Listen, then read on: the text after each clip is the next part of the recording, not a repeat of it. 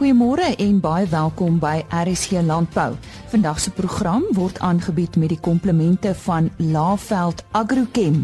Saam boer ons vooruit. Die ondervoorsitter van die melkprodusente organisasie George Keiler gesels vanoggend oor deelmelkery en hulp aan nuwe toetreders. Dan het Absa Agribesigheid onlangs aan die media aanbieding gedoen oor ons surplus mielies, wat dit beteken vir die boer en waarheen uh, hierdie mielies op pad is.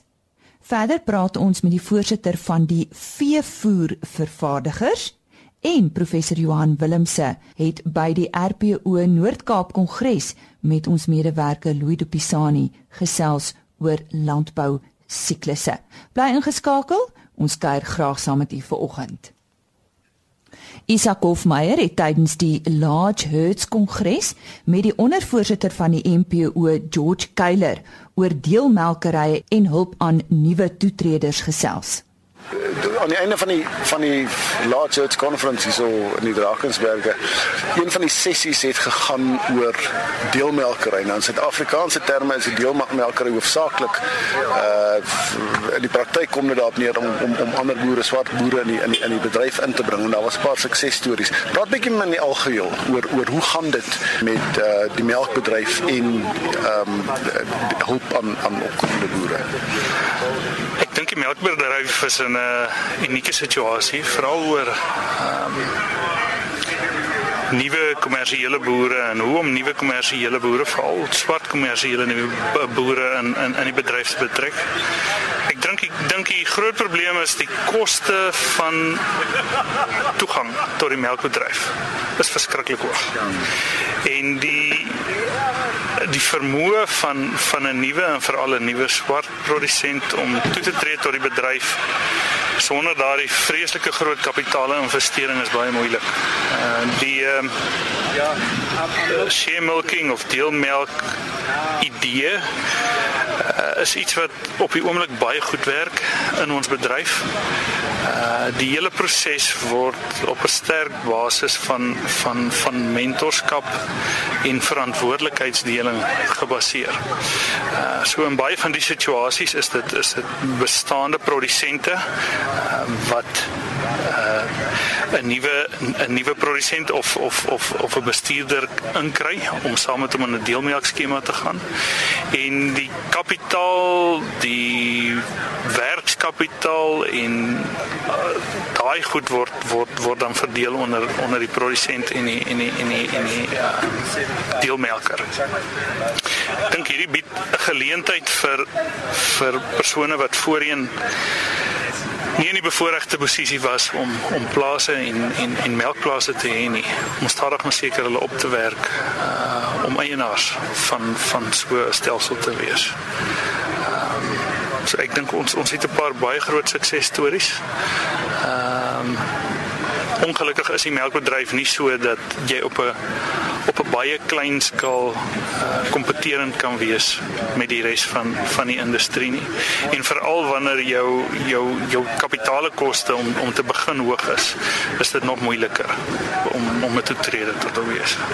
So jy kan nie ingroei nie, jy moet jy moet groot gaan so gou as moontlik.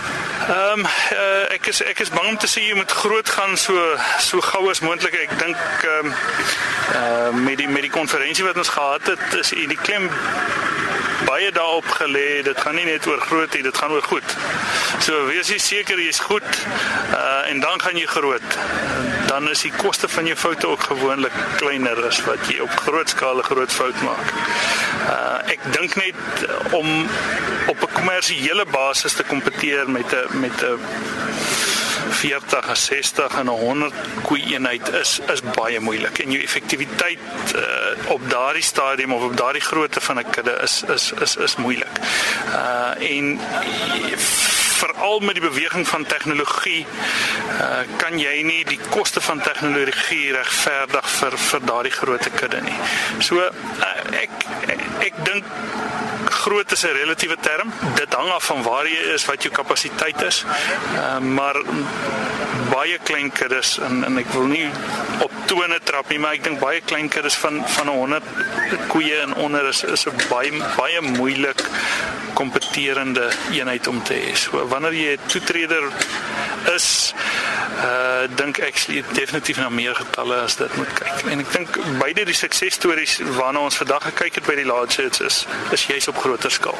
Dis uh in die in die een geval 830 koe eenheid en in die ander geval met Amadlelo is dit uh maar basies 1000 koe eenhede wat die een na die ander opgaan soos wat die suksesstorie groei. Maar die, maar die ding wat vir my uitstaan van hierdie suksesstories wat ons gesien het vandag is dat dit 'n uh, uh gedryf word deur private inisiatief. Dit word baie sterk gedryf deur private inisiatief.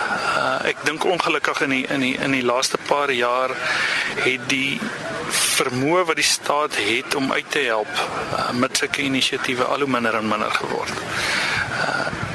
Glo dat die meeste van die melkprodusente in die in die in die land voel verbind daartoe.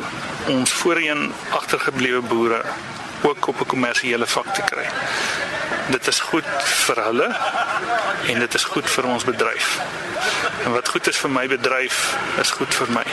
So ehm um, ons wil graag nuwe toetreders hê, ons wil graag nuwe swart toetreders hê tot tot die tot die melkbedryf, maar ons wil dit graag op kommersiële basis wil hê. Ehm um, ek dink baie van die modelle waarna in die verlede gekyk is vir almal die staat toe is op die uh Elraad en Plus programme waar dit op 'n baie klein skaal is en daar's nie toegang tot tot sekuriteit vir die banke nie.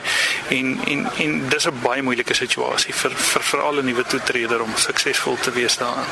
So Ja, ek ek dink dis 'n inisiatief wat eintlik 'n amper vier verhaal is as jy kyk na Amadlelo. Uh ek dink die investeerders wat aanvanklik toegetree het tot Amadlelo in die, in die, in die inisiatief begin het, ehm uh, doen partykeer beter met daardie inisiatief as wat hulle op hulle eie eenhede doen. So dit is ehm uh, dit is dis 'n sprokiesverhaal en is iets wat ons ons graag sal wil kan copy and paste na na ander dele van ons land. Die ondervoorsitter van die melkprodusente organisasie, George Keiler en Isak Hofmeyer was met hom in gesprek. Absa Agribesigheid en onlangs aan die media verduidelik wat die surplus van mielies in Suid-Afrika beteken, wat 'n boer te doen staan en watter markte beskikbaar is vir hierdie mielies. Eerste aan die woord, die senior ekonoom by Absa Agribesigheid, Wessel Lemmer. Lees ons het ongeveer so 4.1 4.2 miljoen ton mielies wat uitgevoer kan word. Uh ons verwag dat uh dat ons van jaar so 2 miljoen ton gaan sien omdat uitvoere baie stadig is. Um pryse uitvoerpariteit teen 1800 rand per ton met produksiekoste van 2000 rand per ton is onder produksiekoste uh Safex pryse is selfs onder uitvoerpariteit 1750 rand per ton. So ons verwag dat ons sien dat uitvoere baie stadiger plaasvind. Produsente, niemand kan van produsente verwag om teen laer as produksiekoste te verkoop nie. So ons gaan waarskynlik sien dat produsente die mark gaan voer stelselmatig ehm um, teen pryse wat vir hulle winsgewend kan wees. Jy gaan dalk by oester kom waar jy 'n uh, 'n toename in produsente leweransies gaan sien en daar gaan produsente wees wat teen laer pryse kan verkoop. So die pryse kan dan laer daal. Maar ons het in die verlede gesien uitvoer uitvoerpariteit of of uh, pryse kan tot so 5 8% onder uitvoerpariteit daal dan loop uh pryse baie goed. Maar vorentoe kan ons dalk verwag dat in terme van wat die rand gaan doen, gaan vir jou geleenthede gee om met 'n hoër uitvoerpariteitsprys te verkoop, maar ook met die droogte in die FSA. Daar kan nog ontwikkelings wees wat ook kan wat jy ook kan verwag dat dit vir produsente geleenthede kan gee om te verkoop. Uh soos dit nou is, lyk dit ook asof dit vir produsente die beste is om tans pryse te benut, maar jy moet altyd vorentoe vir jou opsie oop hou om hoër prysgeleenthede te benut. En heidaglik teen produksiekoste vir mielies uh en waarteen mielies in die in die mark verhandel 1750 rand per ton op Safex is dit vir die intensiewe lewende hawe bedrywe uh herstel hulle teenoor die vorige jaar se hoë mieliepryse en maak dit goed. So ek dink nie iemand verwag van 'n produsent om onder sy produksiekoste teen 'n verlies aan mielies te verkoop nie. Nou as ons nou gaan uitvoer waarheen? Wel, ons kan nie Mexiko toe uitvoer nie. Dit sal hoofsaaklik witmielies moes gewees het. Uh maar ons witmielie-markte is het voldoende voorsiening vir hulle uit hulle eie bronne uit. Ons sien selfs met Afrika met Zambië wat 3.5 miljoen ton het, Zimbabwe wat sprake van 2.2 miljoen ton. So daar's genoeg mielies. Die mielies wat moet uitgaan sal hoofsaaklik geel mielies moet wees waarvan ons eintlik dan te min het vir totale uitvoere van 2 2.2 miljoen ton, 2 miljoen ton. So dit sal moet gaan na die Midde-Ooste, lande soos Saudi-Arabië, uh Verenigde Arabiese Emirate, moontlik Iran as dit kan gebeur. Jy gaan dalk sien dat daar mielies uitgaan na China toe. Ons het nie in die verlede nie, maar het ons, ons het bilaterale ooreenkomste soontoe wat in plek is. Taiwan, Suid-Korea. Uh so dit sal hoofsaaklik geel mielies wees, maar dit is die lande waarna toe ons sal sal sien dat mielies uitgevoer word. Nou vervoerkoste is altyd 'n groot saak as dit kom by 'n boer uh uh se of dit nou vir hom bekostigbaar is om dit te kan kry tot waar hy dit moet kry om uit te voer en jy het vandag 'n paar pro-punte genoem uh soos spoorweë, soos die brandstofprys. Wat is pro 'n boer op die oomblik om sy mielies te kry waar hy dit wil hê? Ja, ons sien byvoorbeeld teenoor vorige jare dat die persentasie wat graan wat vervoer word na die hawe toe op spoor is meer as pad. Ons omtrent so 2/3 spoor teenoor pad. In die verlede was dit andersom geweest, so dis baie positief dat die uh die uh uh treinvervoer, treintrokvervoer toeneem en meer doeltreffend raak. Dit bring kostes af. Ehm uh, ons sien ook dat in terme van die ru-olieprys 47 dollar 'n vat wat moontlik in hierdie vlakke kan voortgaan as gevolg van makro-ekonomiese faktore wat daarop inspel, maak dat ons uh, brandstofpryse in Suid-Afrika laer is as in die verlede in vergelyking, so dit help daarom ook 'n bietjie. En die hawens, sal hulle dit kan hanteer? Ja, die hawens het in die verlede meer as 4 miljoen ton uitgevoer. Uh met tye in rekord in rekordjare. Uh ons het in die verlede maklik 2.4 miljoen ton uitgevoer. Ons behoort 2 miljoen ton baie gemaklik uit te kan voer en selfs meer. Um ek dink dit is heelwat heeltemal moontlik. En dit was dan Wessel Lemmer, senior ekonoom by Absa Agribesigheid. Ek het ook die indrukke van twee joernaliste gekry. Eerste aan die woord is Nico van Bierik van Landbou Weekblad, gevolg deur Denien Erasmus van die Farmers Weekly. Wat my opgeval het is die die geesdrif en die optimisme wat hulle het teenoor landbou te midde van al die politieke neerslagtigheid glo hulle landbou het 'n groot toekoms en almal moet belê en uh, tegnologies verder ontwikkel. Natuurlik is ons baie bly oor die um baie groot mielieoes wat ons boere gaan inbring hierdie jaar veral na verlede jaar se groot droogte. Maar um daarmee saam kry ons ook hierdie verskriklike um val in pryse en ek dink wat vir my die meeste uitgestaan het vandag is dat hierdie definitiewe seisoen is waar boere baie baie mooi gaan dink oor wat se prysmeganismes hulle van gaan gebruik maak, wat se verskansing hulle gaan doen pryse in die minimark nog steeds genoeg geld kan inbring om volgende jaar weer te plant.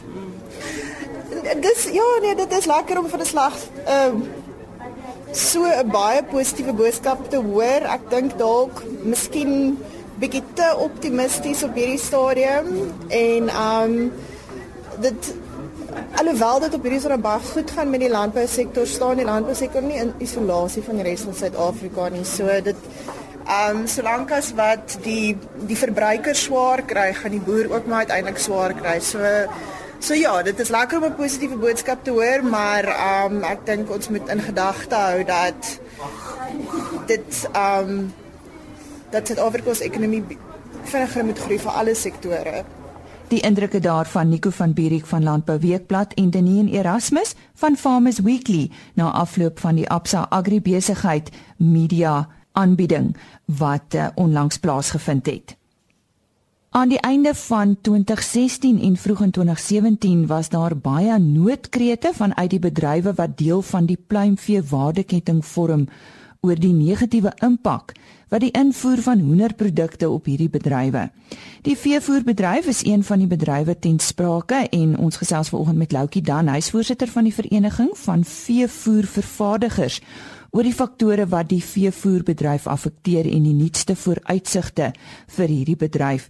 Loukie, goeiemôre. Sê vir my, skep vinnig vir ons net so 'n breë oorsig oor die veevoerbedryf en die rol van die bedryf binne landbou.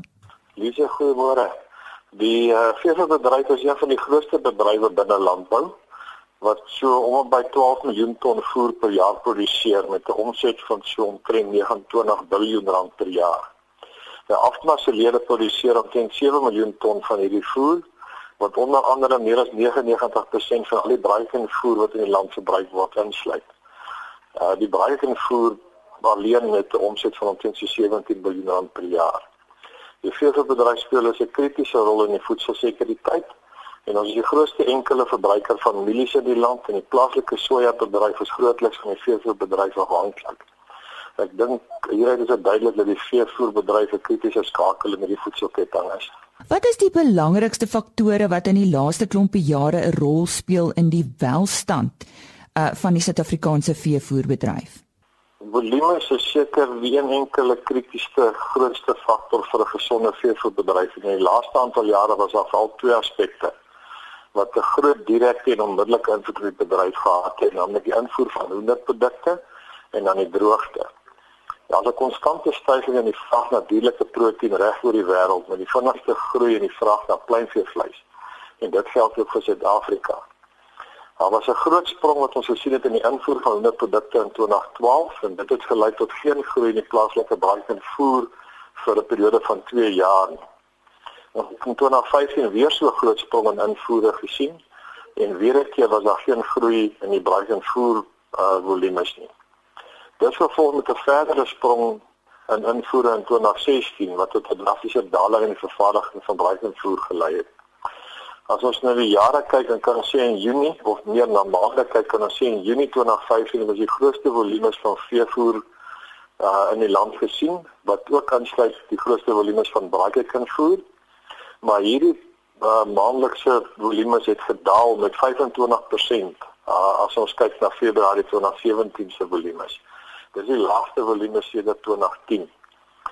As ons dit 'n bietjie dieper ontleed, dan kan jy sien die droogte was verantwoordelik vir die 25% daling in die herkouervoere uh en die invoer van hoenderprodukte vir die 25% daling in die braaivleisvoer volumes.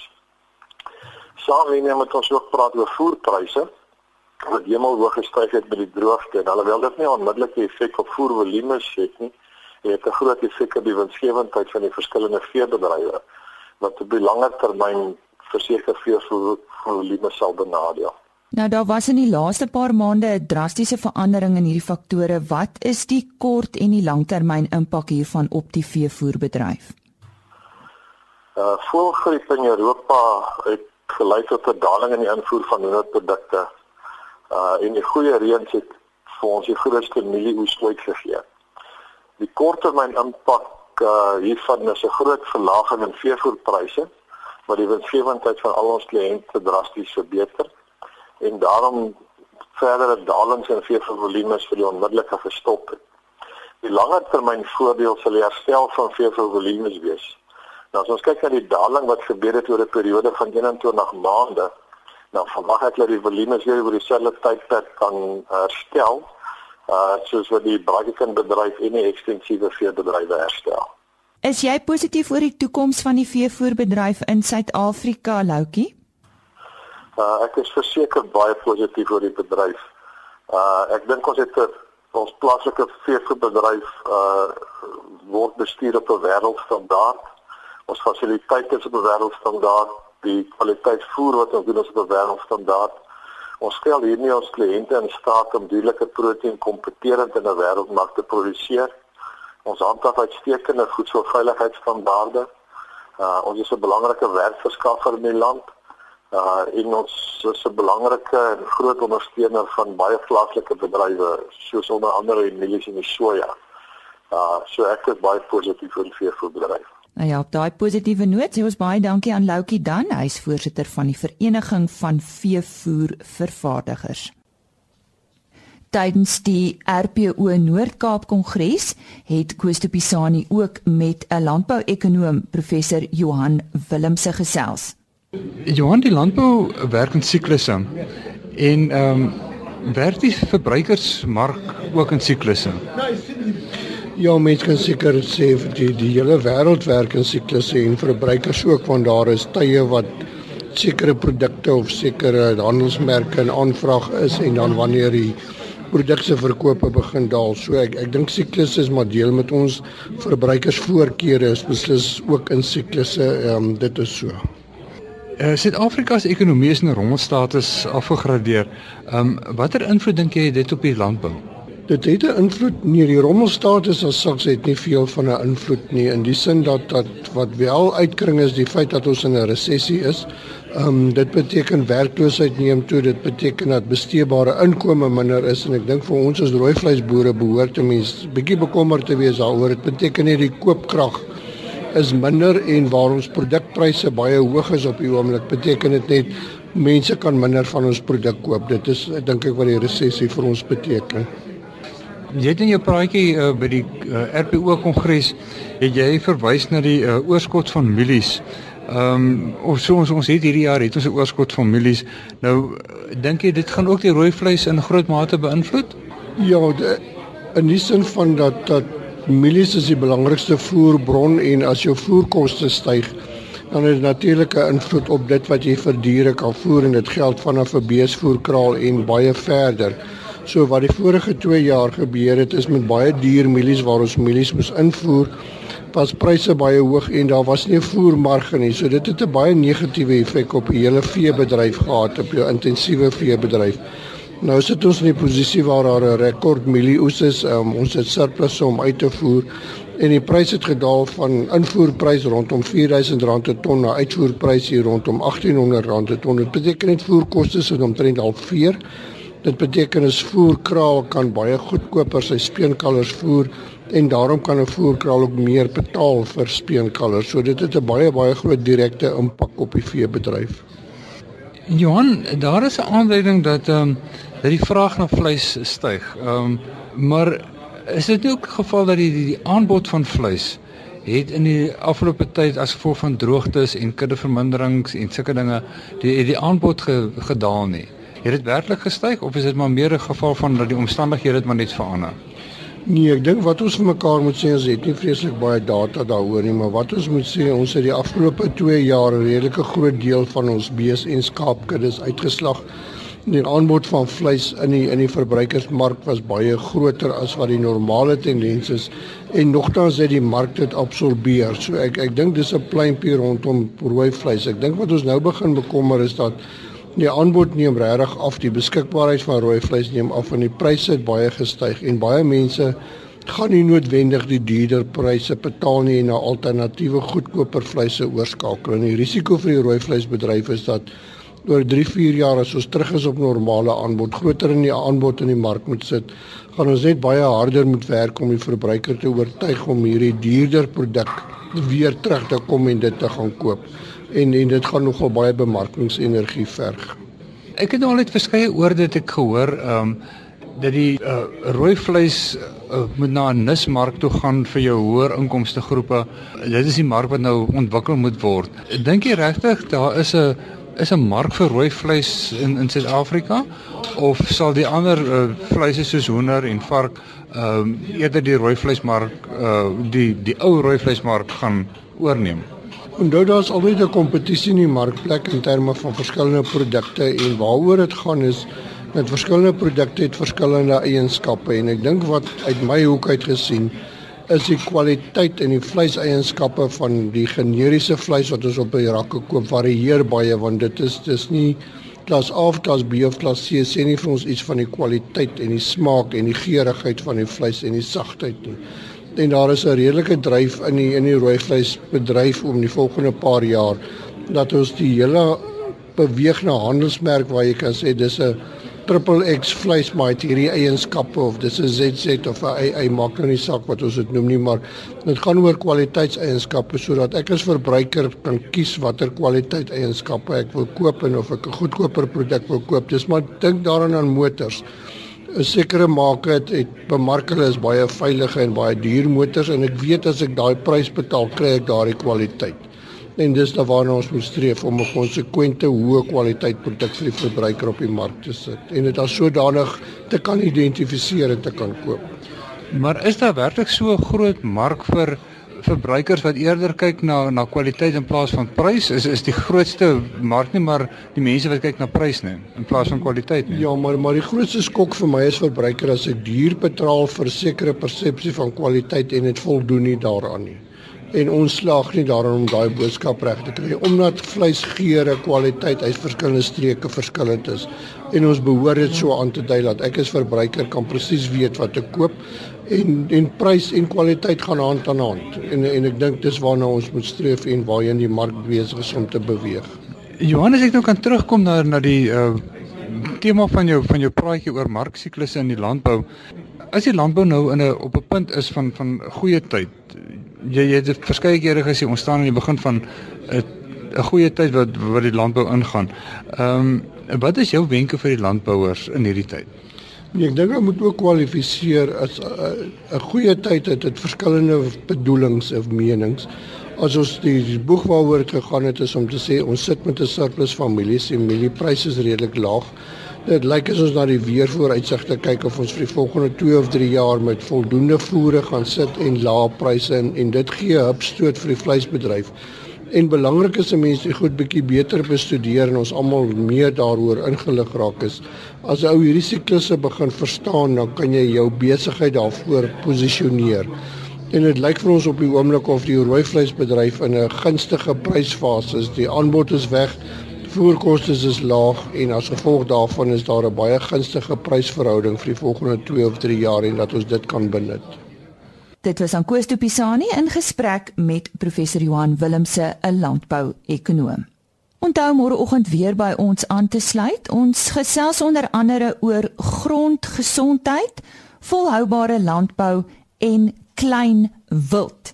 Dit is môreoggend RC Landbou. Vandag se program is aangebied met die komplemente van Laveld Agrochem. Saam boer ons vooruit. Totsiens. RC Landbou is 'n produksie van Blast Publishing. Produksieregisseur Henny Maas. Aanbieding Lisa Roberts en 'n notas koördineerder Jolande Rooi.